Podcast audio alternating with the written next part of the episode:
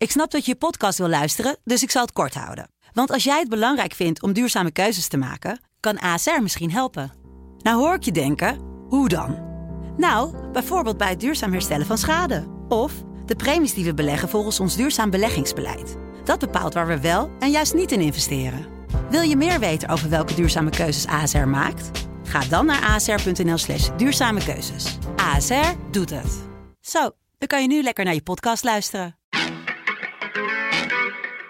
Dit is, dit is het land van Leerduk. Dat is natuurlijk volstrekt debiel, want zometeen heb je dus al die wapens dan in Oekraïne. En dan valt Poetin bij wijze van spreken Zweden aan. Een podcast van de Telegraaf met analyses op het nieuws die u elders niet hoort. De huidige tassendrager heet uh, Maarten Michon Bello, heb ik mij laten vertellen. Oh, kijk aan. En die draagt ook die tassen. Die draagt uh, de tassen van Rutte, ja. Ken je die uh, mop van de eerste uitzettingsvlucht van het Verenigd Koninkrijk naar Rwanda? Die ging een half uur voor tijd, bleef die staan geloof ik. Met Wierde en Robert Ophorst. Ja, ik dacht dat ik er gebruind en terug van vakantie uitzag. Maar jij kan er ook wat van, Wiert. Je zit tegenover me als een soort Barry Hayes met, met een zonnebril op. je straalt helemaal... Je straalt relaxedheid uit. Je hebt, je hebt wel zin nou, in het nou, tropische weekend. Uh, die zonnebril is omdat ik een oogontsteking heb, uh, zoals zo vaak. Maar... Um, nou, dan word ik wel heel snel bruin. Ik heb helemaal niet in de zon gezet. Oh, ik ben even op Schiermonnikoog geweest. Dat is het natuurlijk. Ja, we hebben over Schiermonnikoog gelopen. Daar gaan we het ja. over hebben, ja. Ja, daar zal ik bruin zeggen worden dan. Mm, nou, oké. Okay. Dus ja. het is eigenlijk, eigenlijk leid jij achter de deze bril... Uh... Ik leid enorm, ja. Enorme pijn en, en, mm. en andere ellende. Oké, okay. nou ja, wie ook wat... Uh, in haar oog had Zo. deze week, was Sophie Hermans. Ik zou via u aan mevrouw Hermans willen vragen hoe lang zij nog de ambitie heeft om de assistent tassendrager van de heer Rutte te blijven. Voorzitter, um, precies dit. Precies dit was voor mij de reden om hier zaterdag iets over te zeggen. En ik ga er eigenlijk verder ook niet meer op in. Ik sta hier, ik merk echt dat het me raakt. Ik weet niet of dat u wat uitmaakt. Ja, de, de tranen van Hermans. Dat had zo een titel kunnen zijn van een roman. Van Harry ja, Mulisch de tranen van Sophie. Ja, de tranen ja. van Sophie. Ja, ja, ja ik, dat uh, was toch wel wie wat. Hè? Ik zou mevrouw Hermans willen vragen hoe lang zij nog de ambitie heeft om de assistent tassendrager van de heer Rutte te blijven. Nou, dat waren de gevraagde woorden waarmee ja. Wilders uh, Sophie Hermans nou aan het huilen bracht, eigenlijk zou het toch kunnen zeggen. Ja, het raakte haar, uh, zei ze. Terwijl, uh, wat, wilde, wat wilde ze hier natuurlijk eigenlijk zei, is, joh, uh, want het legt hij vervolgens ook uit, wees eens wat dualistischer en wees eens gewoon een parlementariër die ook de regering controleert, ook al behoor je tot, of ben je de fractievoorzitter van de grootste regeringspartij. En stel je ook eens op tegenover dat vak in plaats van telkens mee te gaan met, met Mark Rutte. Dus, en daarom noemde hij haar dus tassendrager of, of slippendrager, weet je wel. En dat ze daar dan zo, zo emotioneel en persoonlijk op reageert.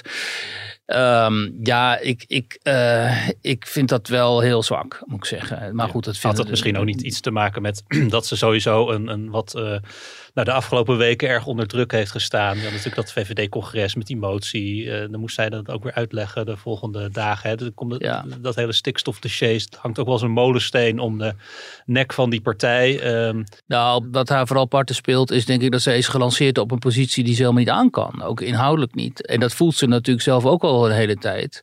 Het is ook zichtbaar, weet je, naar media optredens en openbare optredens en zo. Het straalt een en al verkramping en paniek uit. En daar gaat ze zichzelf over en ze gaat met grote gebaren praten en zo. En daardoor probeert ze dan gezag op te bouwen. Maar ja, gezag krijg je natuurlijk alleen maar als je inhoudelijk sterk bent. Dus dan, dan dreigt bij haar een scenario dat ze echt onderuit gaat. Wat misschien al wel zichtbaar is geweest. Uh, maar goed, ik moet me niet met politiek bemoeien. Ik zal me bemoeien met wat dat nou zeg maar, maatschappelijk betekent voor um, uh, het imago van die partij. En dat is natuurlijk uh, desastreus, omdat je al ziet op het stikstofdossier dat een heel groot deel van de achterban, dat heb je gezien bij het congres ook, aan het afhaken is. die nu echt vinden, ja, die VVD is nu mijn partij niet meer. En dan wordt die partij ook geleid door iemand, Mark Rutte, die eigenlijk al met zijn hoofd elders is. En die bovendien gewoon afscheid gaat nemen op een gegeven moment natuurlijk na, na deze periode. En dan is er gewoon geen uh, opvolger die klaar staat. Want zij, zij gaat het niet redden natuurlijk. Ja. Nou weet ik niet wat uh, de burger hier precies van vond. Of de kiezer. Maar we hadden natuurlijk laatst een, een enquête gedaan. Uh, laten uitvoeren door de Telegraaf. Waaruit ja. bleek dat een merendeel van de Nederlanders vindt dat de politiek veel te veel met zichzelf bezig is. Ik, ik had het idee dat dit daar ook wel een beetje weer een voorbeeld van was. Of heb jij het idee dat heel veel mensen ook enorm geraakt waren door deze, uh, Nou, ik denk niet dat ze geraakt waren doordat Wilders nou zo schof terugvonden. Maar eerder dat ze zich verbazen over het feit dat eh Sophie Hermans op deze manier reageerde. En eh, die stikstofkwestie, die heeft natuurlijk heel veel mensen wel weer bij de politiek betrokken. En heel veel mensen die ik spreek in ieder geval, hebben de gedachte dat de politiek helemaal op dit dossier er blijk van geeft echt geen enkel idee te hebben wat er in die samenleving nu werkelijk speelt. En hoe dit, eh, hoe dit neerdaalt in die samenleving. Maar goed, daar komen we zo meteen wel op als we het over mijn korte verblijf op Schiermonnikoog gaan hebben. Neerdalen is wel een eh, goed woord in, het, eh, in de stikstofdiscussie. Ja, hoe dit neerslaat in de samenleving. Weet jij trouwens eh, wie de huidige tassendrager van Rutte is? Dat is de zus van Sophie Hermans nee, die, natuurlijk. die is hè? alweer opgevolgd. Oh, die is alweer op. Ja, oh, dan weet ik het de even zus niet. van Sophie Hermans is eh, naar het ziekenhuis wezen gegaan. De huidige tassendrager heet eh, Maarten Michon Bello, heb ik mij laten vertellen. Oh, kijk aan. Onze Ja. chef van de parlementaire redactie. Ja. En die draagt ook die tassen. Die draagt eh, de tassen van Rutte, ja. En staat er dan ook World Economic Forum op? Want Rutte die wordt steeds gefotografeerd met zo'n sporttas waarop World Economic Forum staat. Dat, eh, Alsof je gewoon mensen wil treiteren ermee. Dat vind ik dan ook wel weer mooi. Eh, Hans M., Wouter R. en Joost K., zo heet het drietal dat eh, donderdag in de rechtbank stond op verdenking van smaad, laster, bedreiging en opruiming. Eh, de officier van justitie heeft tot twee jaar cel geëist voor de mannen. Ze bedreigden RIVM-baas Jaap van Dissel met de dood, evenals premier Rutte, minister De Jonge en een huisarts in Bodegraven. Nou, die, die plaats die speelt ook een sleutelrol Ja, in het hele soort- verhaal, want Joost K. die beweert dat hij als kind ten prooi is gevallen aan satanisten in Bodegraven. Ja. Het OM wil ook dat hij zich eh, laat behandelen in een kliniek. Zijn dit nou echte klassieke complotdenkers die hier terecht staan? Nou ja, dat zou, dat, ik, ik heb te weinig echt eh, wetenschappelijke literatuur over complotdenken gelezen. Maar dit komt toch wel aardig in de buurt, denk ik. Als je dus inderdaad een soort ehm, eh, parallel universum creëert waarin sprake zou zijn van satan, sata- satanisch misbruik. En je projecteert dat op mensen die in het nieuws zijn als Jaap, zoals Jaap van Dissel. Die in jouw ogen beleid eh, voorstaan dat slecht uitpakt voor jou. Ehm, dan is dit wel echt een klassieke manier van eh, een complot ehm, formuleren. En het interessante hieraan is natuurlijk dat vanwege die sociale media en ook allerlei alternatieve nieuwskanalen en zo, dit soort complottheorieën ehm, bij een heel groot deel van de bevolking eigenlijk geaccepteerd zijn geraakt. Je hebt het, die, dat satanisch misbruik, dat ritueel misbruik, dat is sowieso een, een ding. En dat heb je ook heel sterk gezien in die, eh, die QAnon eh complottheorieën in de Verenigde Staten, waar een heel groot deel van de, van de bevolking werkelijk dacht dat, er, dat Q, wat misschien wel in hun ogen Donald Trump was, een soort messianistische rol vervulde. Ja, het legt nog wel even En- uit dat QAnon, eh, wie dat ook weer Ja, nou ja, zijn. dat weten we dus niet. Maar dat was een, een persoon die eh, allerlei voorspellingen deed. Ja, die Q, die Q eh, die was dus anoniem en dan.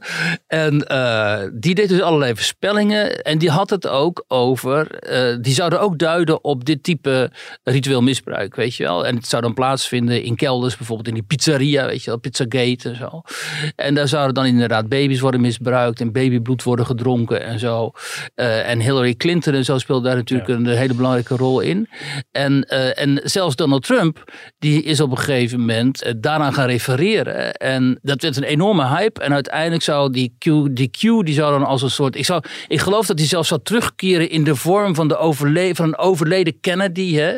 Want die was zogenaamd niet overleden. Die zou dan terugkeren en samen met Donald Trump, zeg maar, die Augiastal in Washington zou, zou die gaan cleanen, opschonen. Nou, dat is natuurlijk allemaal niet gebeurd. Donald Trump is gewoon verslagen in die verkiezingen. Dus sindsdien is hij ook wat minder populair. Maar er duiken dus met enige regelmaat dit, dit soort complottheorieën op. En het wordt natuurlijk heel erg schadelijk. Kijk, mensen moeten doen wat ze willen en denken wat ze willen. Maar het wordt natuurlijk heel erg schadelijk als ze dan mensen als Jaap van Dissel en Mark Rutte en zo met de dood gaan En bedreigen. er kwamen ook mensen die die, die theorie overnamen eh, van, van Telegram, groep, Telegram groepen en YouTube filmpjes. Die kwamen ook daadwerkelijk naar Bodegraven toe. eh, eh, om op die begraafplaats daar dat bloemen is te echt leggen kindergraven. Ja, en ja, ja, briefjes ja. op te hangen. Ja. En, en ouders daar lastig te vallen Ja. die het graf van een overleden kind kwamen bezoeken. ja, moet je je voorstellen. Hè? En dus moet je maar. En, maar jij zegt van eh, dit, dit vindt navolging bij een, groot deel van de bevolking. En nou ja, je zag in ieder geval dat daar wel mensen op afkwamen, ook Ja. op die begraafplaats. Maar als je aan de gemiddelde man of vrouw in de straat zou vragen, geloof je dat Jaap van Dissel een, een satanische kindermisbruiker is, dan, dan tik Nee, zover gaat het natuurlijk niet. Maar de afgelopen twee jaar onder corona heb ik toch met heel veel mensen gesproken. En is mij wel duidelijk geworden dat het heel makkelijk is om mensen een bepaalde kant op te manipuleren. En hen en twijfel te zaaien. En twijfel aan dominante en ook aan wetenschappelijke narratief, wetenschappelijk verhaal, analyses. En eh, zodanig twijfel te zaaien dat die mensen helemaal geen houvast meer hebben. En een deel daarvan is er natuurlijk gevoelig voor ehm, om dan af te dalen in dit soort theorieën, omdat ze daar een soort nieuwe gemeenschap vinden van mensen die hen zeggen van luister eens, zo zit de wereld in elkaar en dit is wat, dit is wat er op dit moment gaande is. Dus het wordt een soort secte, zie je bij hun ook, hè? een soort sectarische eh, gemeenschap. En heel veel mensen zijn daar kennelijk vanuit persoonlijke onzekerheid over de feiten en over de analyses eh, best gevoelig voor. En wat mij zo eh, frappeerde is dat ook mensen, hè, gewoon waarvan je denkt, van wie je denkt van ja, die gaan stappen gewoon elke ochtend in de auto, gaan naar hun werk, halen hun kinderen van school en zo, en zitten s'avonds voor de buizen, kijken in het weekend naar voetbal. Eh, dat, die, dat, dat die die gevoeligheid ook bleken te hebben. Het aantal gesprekken dat ik heb gevoerd met mensen van, ja, met wie je vroeger voetbalde bijvoorbeeld, of met wie je hè, andere dingen deed en zo. En die dan echt wel gingen vragen van, joh, eh, vind je nou ook niet dat dat corona, dat dat eigenlijk gewoon door het World Economic Forum en Klaus Schwab eh, ehm, eh, is gefabriceerd om de eh, bevolkingen van de wereld onder controle te krijgen. Nou ja, we hebben ook een partij in de Tweede Kamer natuurlijk zitten, Forum voor Democratie, die daar eh, in dat soort theorieën Ja, eh, en het probleem, bezigt. ja, en het probleem is natuurlijk dat eh, van de weeromstuit, de mensen die zich dan heel erg ergeren aan dit, dit soort complottheorieën en zo, die gaan dan juist heel erg het dominante verhaal, het dominante narratief verdedigen. En die gaan daarmee de, de macht en de gevestigde orde verdedigen. En elke kritiek die je daarop hebt, die gaan ze dan wegzetten als een, kijk, een complot, eh, En een dat- en- en complotdenken. dat is ook niet goed, bedoel je? Dat Nee, is weer het natuurlijk andere niet. uiterste. Zeker journalisten moeten natuurlijk altijd kritisch zijn op de macht. En er is ook, kijk, en dat is ook bij die, die, die kwestie met Forum en zo. eh, tussen de tien waanzinnige opmerkingen van Baudet zi- eh, zitten er twee die misschien wel kloppen. Of waarvan je kunt denken, nou, hè, eh, daar zit best wel wat in. Laten we dat eens gaan onderzoeken. Eh, maar omdat die andere acht zo waanzinnig zijn eh, en ook gevaarlijk soms, eh, eh, ben je natuurlijk geneigd om te denken, ja, laat maar zitten, weet je. wel. Maar dat, het was is, bij, dat was bij Trump natuurlijk ook zo. bij Trump was het ook zo. Een heel goed voorbeeld hiervan is die eh, onderzoeksrubriek van de VPRO Argos. Hè. Die hebben, omdat er zo enorm veel verhalen opdoken over het eh, ritueel misbruik van kinderen door groepen, eh, de georganiseerde groepen, zeg maar, zijn zij daarin gaan zitten. Een collega eh, Sanne van der Linden, te Linden heeft dat eh, gedaan. En die zijn op een gegeven moment, waren zij ervan overtuigd, en daarom zijn die, die Argos-uitzendingen zo interessant, dat daar wel degelijk iets speelde. En omdat het onweerlegbaar werd. Het werd voor hen, er was zoveel bewijsmateriaal dat in ieder geval iets aan de hand was. Dat ze besloten om die uitzending te doen. En in ieder geval de vraag op te werpen van... Kijk, als er zoveel bewijsmateriaal opduikt en zoveel eh, eh, verhalen... en wij zoveel verhalen horen van mensen die elkaar niet kennen...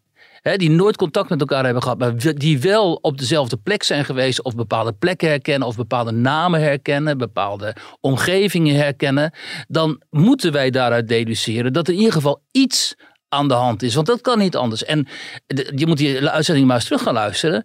Dat is dus fascinerend, omdat je denkt, dit is pure waanzin. Hè, dit kan niet. En op basis van die uitzending heb ik toen een verhaal geschreven. Ook, en ben ik ook met een paar van die vrouwen gaan praten. Die, die dus deze dingen beweren. Nou, dan weet je niet in wat voor... eh, ja, ik moet er een beetje om lachen, omdat het ook best een beetje... eh, omdat het heel heftig is. Dan krijg je echt... Je, dan voel je hele rare gesprekken, hoor, moet ik zeggen. Ik herinner me één gesprek. Een paar uur duurde dat met een vrouw die dus dat ze in zo'n zeg maar secte had gezeten en als kind eh, ritueel was misbruikt en zo. Ik ging daar weg. Ik dacht, dit is waarschijnlijk een van de heftigste gesprekken die ik ooit gevoerd had, omdat het helemaal ook, het is heel psychi- psychisch, psychologisch gaat dat dan, ge- gebeurt er iets met je. Het, ehm, eh, Met jou als interviewer. ook omdat je krijgt ontzettend veel op jou geprojecteerd. Dus, ehm, en dat is een psychologisch mechanisme, hè, dat ze op jou gaan projecteren en dat moet je echt... moet Maar wat, wat bedoel je dan op jouw project? je gaat die, die emoties, eh, die, die projecteren ze op jou. Mhm. Dus het, ehm, in dat gesprek eh, nam die vrouw ook, zeg maar, kreeg ze ook verschillende persoonlijkheden. Daar kwam het op neer. En dat is natuurlijk, als je dan in zo'n kamer zit, is het heel raar om te zien. Als je zo iemand interviewt en je ziet hem gewoon veranderen, weet je wel. En die, die was dus aan het regresseren, zeg maar, en dat soort dingen en zo. Maar goed, dan, toen dacht ik ook, ja, luister eens, uh, ik ben geen psychiater, dus het is beter dat een psychiater hier gaat zitten dan dat ik hier uh, dit doe. Maar het was heel indrukwekkend. En, um, en voor Argos hebben ze destijds tientallen van dat soort gesprekken gevoerd. Hè. En um, dus dat is eigenlijk voor de Nederlandse journalistiek een heel bijzonder moment geweest dat ze dat gedaan hebben. Ja, en iedereen moet zelf maar gaan luisteren en uh, kijken wat ze daarvan, uh, daarvan vinden. Kunnen we nog iets doen als samenleving om uh, onze ontvankelijkheid voor dit soort hele extreme complottheorieën zoals in Bodegraven ehm, terug te dingen? Ja, nou in ieder geval veel eerlijker zijn natuurlijk. En ook de media, die moeten gewoon veel minder bang zijn om bepaalde posities, meningen, opinies te, te weer te geven. In ieder geval, uh, zeg maar, die mensen aan het woord te laten en dan weliswaar te bekritiseren en zo.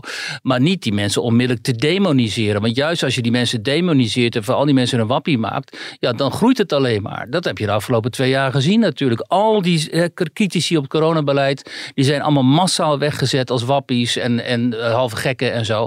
Ja, die beweging die zag je alleen maar groeien, want die mensen dachten, ja, wij worden zo gedemoniseerd. Daar moet een plan achter zitten. En die gaan dan zeggen, kijk die media die lopen mee met de politiek en met het World mhm. Economic Forum, met Klaus Schwab en zo. Want anders zouden ze ons niet zo heftig aanvallen. Ja. Nou, ik ben, ben met je eens dat mensen snel wappie worden genoemd en werden genoemd. Maar er is natuurlijk toch ook wel heel veel aandacht geweest voor mensen ja, maar altijd die kritisch zijn op het beleid of heel erg kritisch zijn op het beleid. Ja, maar het gaat om de manier waarop. Kijk, er, werden, er waren ook hele kritische wetenschappers en die zijn ook vanaf het begin eigenlijk monddood gemaakt. Nou ja, Marianne Zwageman heeft daar veel over geschreven. Ja, dat is geen wetenschapper. nee, maar die heeft er wel veel columns over geschreven en ook uh, podcasts aangeweid en zo aan mensen die op basis van hun wetenschappelijke kennis en wetenschappelijke gewoon prestaties ook een andere opvatting hadden over hoe we hier moesten omgaan met dit virus. En die zijn toch wel behoorlijk in de marge geraakt, gemarginaliseerd. Uh, ook doordat wij hen te vaak uh, hebben afgeschilderd als, uh, zeg maar, um, charlatans. En achteraf blijkt dat het wel eens meeviel in een aantal gevallen. En ik denk dat we daar eens heel kritisch op moeten blijven, ook op onszelf. Waar was Wiert? Je hebt de clue al helemaal weggegeven aan het begin uh, van de podcast. Maar je was dus op Schiermonnikoog. Die koe? Is, uh, ja, ik hoor die koe. Ja, nou, daar, daar, was jij. Bij ja. die koe, die we, die we net hoorden. er staat een geweldige foto van Anne van der Woude in de krant. Met de, de boer die ik heb gesproken, gesproken Ludie van der Bijl. Uh, die staat dan in zijn weiland naar zijn koeien. En dan, uh, Anne heeft een paar foto's geschoten. En op één foto kijkt die koe zo recht in die lens. Zo van, wie ben jij? Koeien zijn hele nieuwsgierige, Geweldig, ja, nieuwsgierige ja. dieren. Ja. Is sowieso altijd uh, een, een, een, een, dankbaar uh, onderwerp boeren. voor fotografen. Want ja. het levert altijd mooie, mooie plaatjes op. Ja, grote vertwijfeling hè, bij de eilandboeren al daar. Zeven boeren die sloten vorig najaar een overeenkomst met provincie, het ministerie van LNV en de agrarische natuurvereniging Waddenvogels. wat hebben ze nou afgesproken? Om de uitstoot van stikstof drastisch te reduceren, zouden de boeren van Schiermonnikoog uh, vrijwillig een derde van hun koeien afstoten. En overstappen op een biodiverse bedrijfsvoering. Nou, wat dat precies is, dat, dat gaan we zomaar even uitleggen. Maar uh, de boeren zouden daarbij vijf jaar financieel ondersteund worden door de overheid. Mm. Uh, maar sinds wat was het, vorige week ligt er dus die, ja. uh, die nieuwe stikstofkaart van minister Van der Wal. En, en daarop staat dat de stikstofreductie op Schiermonnikoog uh, 95% uh, moet bedragen. Ja. Was dan alles uh, voor niets voor die boeren? Nou, daar zag het dus wel naar uit. Je moet je voorstellen, dit is dus het pilotproject, uh, ook van het ministerie van Landbouw. Omdat deze boeren een aantal jaar geleden hebben gezegd, oké, weet je wat, we begrijpen het probleem. We begrijpen dat we hier in een uh, Natura 2000 gebied wonen. En uh, we zien ook wel in dat die stikstofneerslag hier te hoog is. Dus um, om te voorkomen dat een van onze bedrijven, dat heb ik niet eens een stuk gezet, maar het plan was, als het zo door zou gaan, zou een van hun bedrijven moeten ophouden te bestaan. En ze zijn met z'n zevenen daar. En toen hebben ze met z'n zevenen gezegd, ja dat willen we niet. We willen met z'n allen door, dus geef ons dan het geld wat er voor die is bestemd. En dan gaan wij wel gewoon onze veestapel reduceren. Zodat we ook die reductie dan uh, bewerkstelligen. Maar dan kunnen we in ieder geval met z'n zeven blijven boeren. Nou, dat heeft de provincie en de Waddenvereniging en ook um, uh, Jan-Willem Eresman, die stikstofprofessor uit Leiden. Die hebben dat opgepikt, dat plan. Eh, en die hebben gedacht, weet je wat, laten we dit proberen. Dan hebben we in geval een pilot. En dan kunnen we kijken of uh, wat hier dan uitkomt de komende jaren. Als die veestapel met 35 tot 40 procent wordt gereduceerd. Of dat inderdaad ook zijn weerslag heeft op die neerslag daar. Dus daar zitten ze nu middenin. En die boeren zijn ook begonnen dus met, um, met die transitie naar dat biodiverse boeren. Dat betekent dat ze gewoon aan kringlo kringlooplandbouw doen. dat ze, ze hebben nu ook een eigen kaasmerk. Dus die melk die gebruiken ze dan voor hun voor uh, de eigen kaas en zo. En, um, en ze zijn dus veel bewuster geraakt. Ze waren natuurlijk al bewust, want dat, dat boeren niet milieubewust of natuurbewust en, en, zijn, is onzin. boeren, wat, uh, wat houdt dat precies? Nou ja, dan zorg je ervoor dat je bijvoorbeeld um, een bepaald type gewassen uh, kweekt voor het voer van die koeien en zo. Je zorgt, kijk, wat, wat Rudy van der Bijl ook zegt, um, bijvoorbeeld, ja, die kringloop, zegt hij, die bestaat er ook uit dat ik hier een koe heb van 16 jaar, waar, waar en als die moet dan gewoon naar de slacht. Dat doe ik dan afstand van, met heel veel moeite, want ze hebben best wel emotionele band ook met die koeien. Maar ja, die koe die wordt dan ook weer op dat eiland opgegeten. Ja, dus het is ook een soort van kringloop. Ja, alles, alles keert ook weer terug. Uh... Ja, precies. Alles keert weer terug. En um, maar goed, ik denk dat ik dat begrip kringlooplandbouw nu tekort doe. Maar ik weet ook niet precies hoe dat zit. Maar in ieder geval, ze proberen uh, veel meer bewust van de natuur en het effect dat dat boerenbedrijf op de natuur heeft, proberen zij uh, te leven. En toen, ze, hun reductie was dus al iets van 35, 37 procent. En toen kwam het kabinet met die plannen en daar staat dat fameuze, inmiddels beruchte kaartje van heel Nederland, een soort kadastrale indeling echt absurd, zo'n tekentafeldingetje waarbij tot in het, in het detail is weergegeven hoeveel neerslag een bepaald gebied mag, uh, nog kan accepteren. En daar staat op die Waddeneilanden uh, die reductie van 95 procent. Ja, want, want het is een Natura 2000 gebied. Precies, het is, natuur, het is een nationaal park, Schiermonnikoog, Natura 2000 gebied. En uh, op Vlieland notabene schrok de burgemeester al, want die, die zei van ja, we hebben hier helemaal geen boerenbedrijf en wij moeten ook tot 95 procent gaan reduceren. Dus we moeten dat. Dus dat tekent gewoon die enorme kloof tussen die uh, tussen Den Haag, die tekentafels daar, en de, en de praktijk. En op Schiermonnikoog schrokken ze natuurlijk ook, omdat ze dachten, ja, dat gaan we niet redden. Als we nu nog verder terug moeten, dan uh, houdt ons bedrijf op te bestaan. En uh, Van der Bijl, die had, al, die had zich al voorgenomen dat zijn dochter dan, die ook heel graag het bedrijf wil overnemen, dat zij hem dan zou opvolgen en zo. En hij vertelde, ja, die dochter die is nu een weekje op het vasteland, is aan het werk. En die kwam thuis s'avonds met de boot en die zei, ja, wat moet ik nu verder? Weet je, als het bedrijf ophoudt te bestaan, wat moet ik dan? Nou, daar was hij heel erg geëmotioneerd door geraakt. Ja, want dan heb je als vader geen antwoord.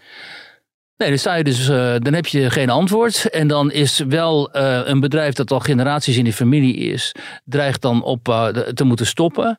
En het, ehm, de droom van jouw kind zie je dan aan gruizelen. Of, ja, nou ja, in duigen vallen. In duigen vallen.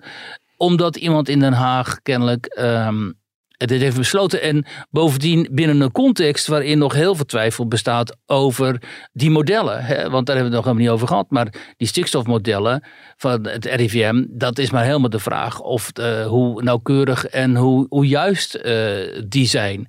Dat kan ook de verantwoordelijke minister ons niet vertellen. Want blijkens haar uitspraak heeft ze helemaal geen verstand van waar ze het over heeft. En doet zij net als Sophie Hermans. En ik hoorde vandaag ook uh, Dylan Jisselgus op de radio. Het enige wat ze dan kunnen zeggen is ja, we zijn bezig met uitvoeren van het regeerakkoord. En dat is een soort mantra geworden hè, bij die ministers. Ja, het staat in het regeerakkoord, dus het moet wel. Dat je dan mee de helft van de boerenstand over de kling jaagt, dat figuurlijk dan. Dat vinden ze dan kennelijk geen probleem. Maar goed, toen heb ik ook nog even met het ministerie gebeld. En die hadden natuurlijk ook zoiets, oh oh, weet je, dat is ons pilotproject. Ook van ons. De minister heeft notabene, toenmalige minister Carole Schouten, Carole Schouten heeft dat zelf ondertekend. Dus dat kan niet zo zijn dat dat project ophoudt te bestaan. Dus toen hebben ze mij gezegd van ja, is ook alweer een beetje afschuiven van uh, ja, uh, de provincies die moeten dit immers gaan uitvoeren. Ja. Dus de provincie uh, Friesland, Friesland zoals het dan tegenwoordig heet, ja, die moet maar kijken wat zij willen. Of ze dan willen dat die uitstoot nog meer naar beneden gaat of niet. Ja, dan leg je het op bordje van de mm -hmm. provincie. Maar ja, goed, een, een, provincie kan toch niet zeggen we doen het niet?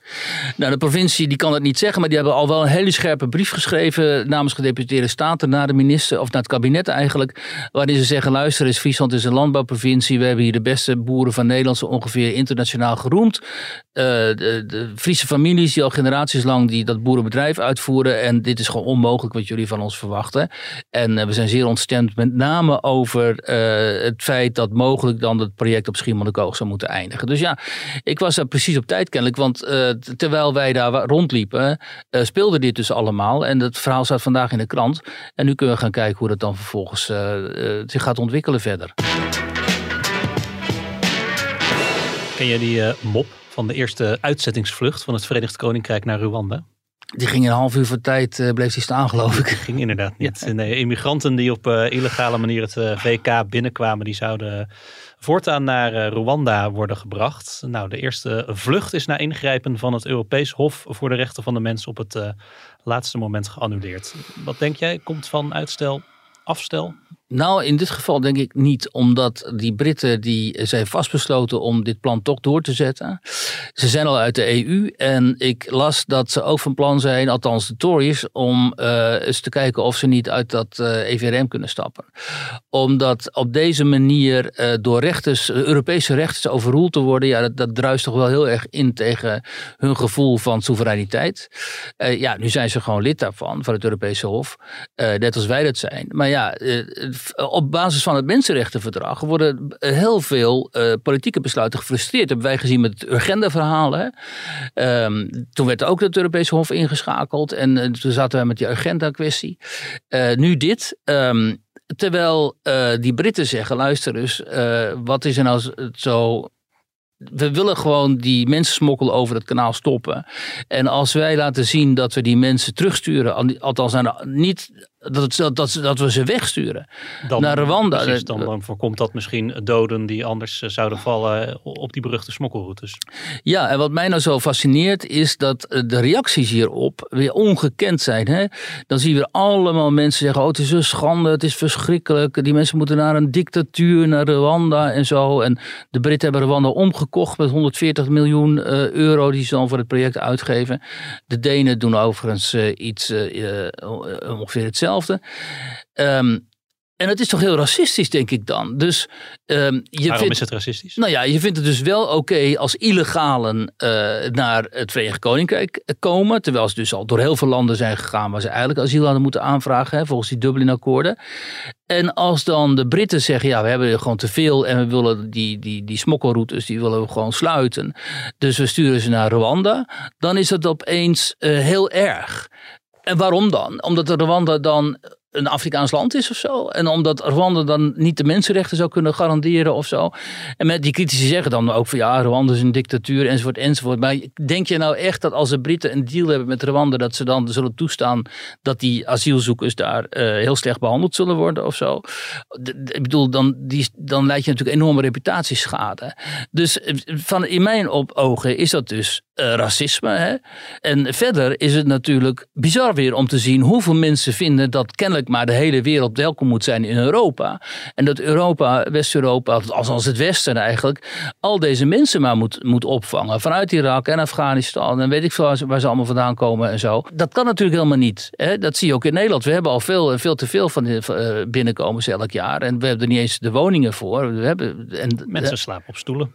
Mensen slapen op stoelen. En om al die mensen te kunnen onderbrengen, moeten we dus woningen eh, bouwen. En daarvoor worden nu ook uh, die, die landbouwgronden aangetrokken en zo. Dus het staat allemaal, heeft allemaal met elkaar te maken natuurlijk. En het is het goed recht van die Britten, vind ik, om daar op deze manier in ieder geval te proberen een oplossing eh, te vinden. En we zouden we iets minder moreel, uh, moralistisch van de toren moeten blazen. En, en moeten kijken of dit eigenlijk niet gewoon een goed plan is. Op de dag dat we dit opnemen, donderdag, is er weer een, een, topdelegatie vanuit Europa of vanuit het westen uh, naar Kiev. Ja. Uh, Scholz, Macron en Draghi ja. lopen daar nu rond. Zelensky wil veel meer wapens, nog veel meer wapens. Ik hoor toch wat, wat, wat, wat voor de Oekraïners verontrustende berichten de afgelopen dagen, weken voor elke Oekraïense soldaat geloof ik vier of vijf Russen. Een Britse minister, van Defensie ook die zich, die zich zorgen maakte. Zijn de Russen de oorlog aan het winnen? Of de Oekraïners aan het verliezen zijn, dat weet ik ook niet. Dus het is. Maar de, de, de, de dagen dat we hier uh, bij wijze van spreken elke dag weer konden juichen. omdat die Russen een slag waren toegebracht door die heldhaftige Oekraïners. Die, die, Ja. Dat is al een tijdje geleden.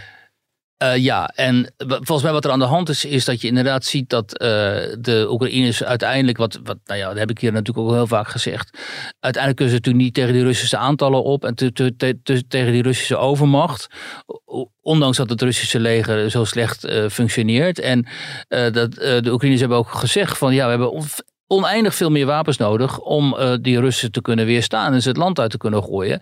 Maar toen, heeft, eh, toen heeft die, en die adviseur van Zelensky heeft ook zo'n lijstje naar buiten gebracht met de wapens die ze dan zouden willen hebben. Maar dat zou erop neerkomen dat westerse landen gewoon bijna hun hele arsenaal zouden moeten leveren aan eh, Ja, ik van bepaalde wapensystemen ik, aan ik hoorde Oekraïne. Sjoerdsma al zeggen in de Tweede Kamer, whatever it takes. en, en alles van de plank halen en desnoods bijbestellen. Dat, dat lijkt me. Dat, Dat is natuurlijk volstrekt maar debiel. Want zometeen heb je dus al die wapens dan in Oekraïne.